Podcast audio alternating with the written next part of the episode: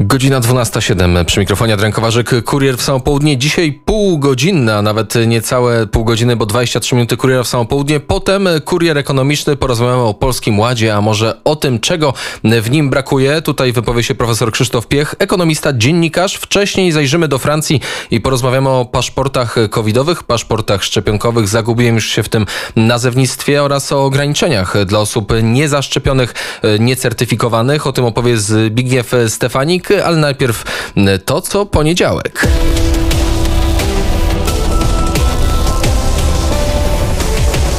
Strategy and Future. A skoro Strategy and Future, to musi być z nami ekspert tego think tanku, Albert Świdziński. Dzień dobry. Dzień dobry, panie redaktorze. I zamieniamy się w słuch. Co ważnego działo się w zeszłym tygodniu? Dobrze, panie redaktorze, nie zaczniemy, Adrianie, nie zaczniemy od tego najbardziej stereotypowego tematu, a więc o porozumieniu Niemiec i Stanów Zjednoczonych dotyczącego Nord Stream 2. A zamiast tego rozpoczniemy od hakowania, bowiem wygląda na to, że poza możliwością obserwowania wojny handlowej, technologicznej czy finansowej, e, jesteśmy właśnie świadkami otwierania nowego frontu rywalizacji pomiędzy Pekinem a Waszyngtonem, a mianowicie wojny w cyberprzestrzeni. Być może jednak właściwsze byłoby stwierdzenie, że jesteśmy świadkami tej wojny upublicznienia, Trwa już bowiem z pewnością od dawna. W ostatni poniedziałek mianowicie Stany Zjednoczone, NATO, Unia Europejska, Japonia, Wielka Brytania, Kanada, Norwegia, Nowa Zelandia i Australia wystosowały wspólne oświadczenie, w którym oskarżają grupę hakerską Hafnium, działającą zdaniem wyżej wymienionych państw pod auspicjami chińskiego Ministerstwa Bezpieczeństwa Państwowego, czyli MSS, o przeprowadzenie ataku hakerskiego na serwery pocztowe Microsoft Exchange Server.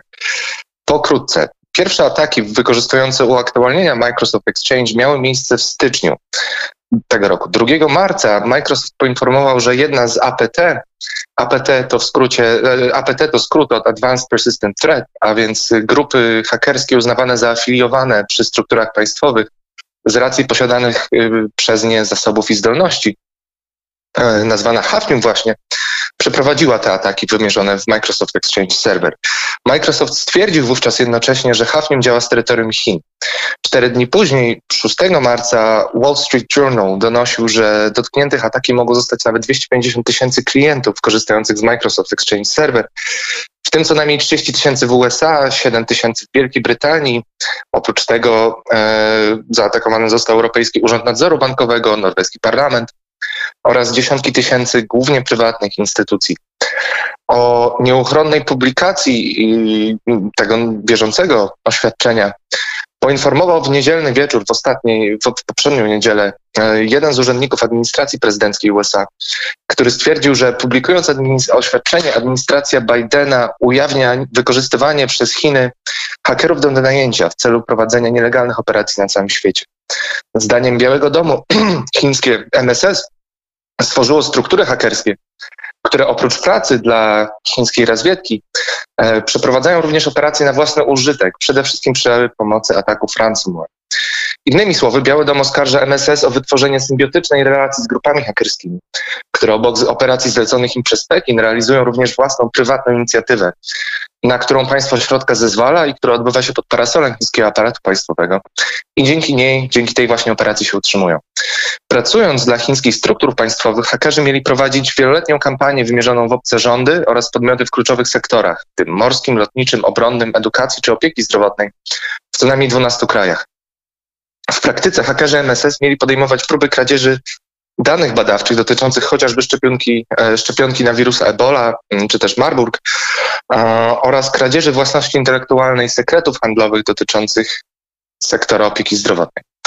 Zdaniem Białego Domu tym, co odróżnia chińskich cyberprzestępców, chociażby od ich rosyjskich odpowiedników, jest fakt, że ci pierwsi nie tylko funkcjonują w symbiozie z chińskim aparatem bezpieczeństwa, czy też są wręcz jego częścią, ale również zarabiają w ten sposób pieniądze dla samego MSS i jego pracowników. Według Białego Domu więzy łączące rosyjskie hakerskie grupy kryminalne z tamtejszą, z tamtejszym aparatem bezpieczeństwa są słabsze i bardziej nieformalne. Nawiasem mówiąc, wywodząca się z Rosji grupa Revil odpowiedzialna za majowy atak ransomware na producenta mięsa w Stanach Zjednoczonych JBS, czy też lipcowy atak na MSP, w ostatnich tygodniach zniknęła zupełnie z internetu. Konta jej przedstawicieli na forach internetowych zostały usunięte, Przestała działać strona internetowa grupy. W tym kontekście warto pamiętać o czerwcowym spotkaniu Putin-Biden w Genewie, w toku którego przywódcy mieli omówić m.in. zasady prowadzenia operacji w cyberprzestrzeni i wymienili te instytucje, które z ataków cyberataków mają być wyłączone. 46. prezydent USA domagał się wówczas również ukarania przez Rosjan hakerów odpowiedzialnych za ataki na cywilną infrastrukturę w Stanach Zjednoczonych. Zniknięcie przedstawicieli rosyjskiej grupy cyberprzestępców zdaje się więc być swoistym ukłonem Kremla wobec administracji amerykańskiej. Tego samego dnia, gdy urzędnik Białego Domu informował po raz pierwszy o chińskich hakerach, a więc 18 lipca, ubiegłą niedzielę, francuska organizacja pozarządowa Forbidden Stories oraz Amnesty International we współpracy z redakcjami szeregu periodyków zaczęły publikować listę 50 tysięcy osób, które były inwigilowane za pomocą programu Pegasus. Pegasus to program szpiegowski instalowany na smartfonach, który umożliwia przechwytywanie wielu, jeżeli nie wszystkich danych i metadanych wysyłanych i pobieranych przez telefony komórkowe. A więc od lokalizacji przez treści wstukiwane w klawiaturę po połączenia telefoniczne strony odwiedzane w internecie, hasło i tak dalej. A wszystko to bez potrzeby współpracy z operatorami sieci komórkowej. Program ma też funkcję zdalnego uruchamiania aparatu fotograficznego i mikrofonu telefonu. Autorem aplikacji, twórcą aplikacji jest izraelska firma NSO, która sprzedawała ją następnie służbom specjalnych szeregu państw. W tym, i to ciekawostka, również yy, służbom Zjednoczonych Emiratów Arabskich, bo to właśnie po ataku za pomocą Pegasusa na dziennikarza z tego państwa świat dowiedział się o istnieniu tego oprogramowania, a miało to już miejsce w 2016 roku. Rzecz jasna, NSO zapewnia, że oferowany przez nią produkt wykorzystywany ma być wyłącznie w celach zwalczania terroryzmu e, i tym podobnych. Odwieczne pytanie brzmi jednak, kto upilnuje strażników.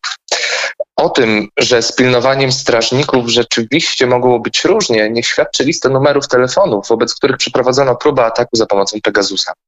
Tu warto dodać, że próba ataku nie równa się skutecznej mm, infekcji telefonu.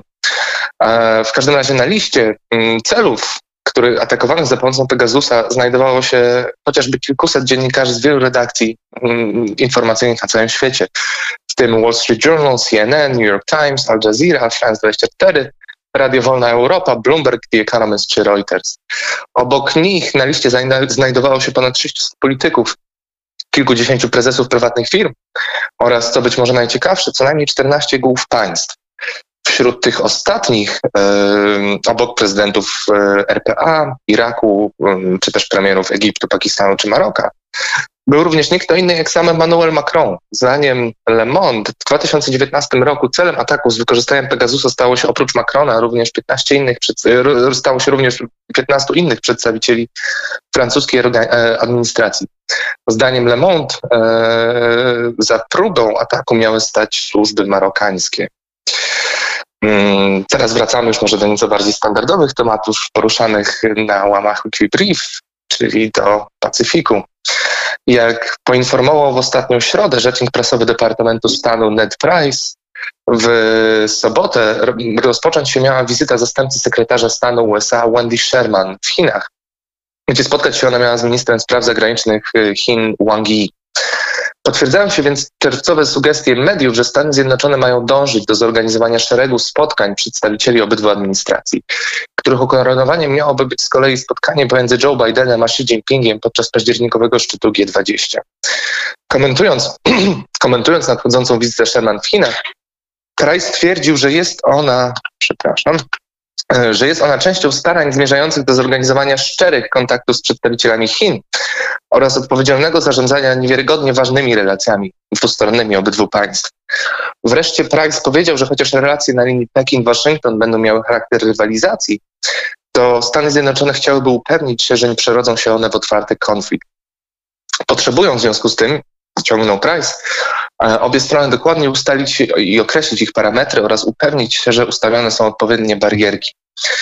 Jeśli chodzi o barierki, warto wspomnieć o lutowych słowach byłego premiera Australii Kevina Ruda, który apelował właśnie o wypracowanie tego rodzaju mechanizmów zabezpieczających, a więc czerwonych linii i ram relacji strategicznej, które pozwolą na uniknięcie niekontrolowanej eskalacji, na dojście do niekontrolowanej eskalacji pomiędzy obydwoma państwami, która to z kolei mogłaby doprowadzić do katastrofalnej dla świata konfrontacji kinetycznej pomiędzy dwoma mocarstwami. Wreszcie we wtorek, w ostatni wtorek władze Formozy poinformowały, że na Litwie zostanie otwarte przedstawicielstwo taj Tajwanu pełniący de facto funkcję ambasady Formozy w tym kraju. Pomijając już fakt, że będzie to pierwszy od 18 lat przypadek otwarcia tajwańskiej placówki dyplomatycznej w Europie, warto również zwrócić uwagę na to, że biuro to zostało nazwane przedstawicielstwem nie Tajpej, ale Tajwanu właśnie.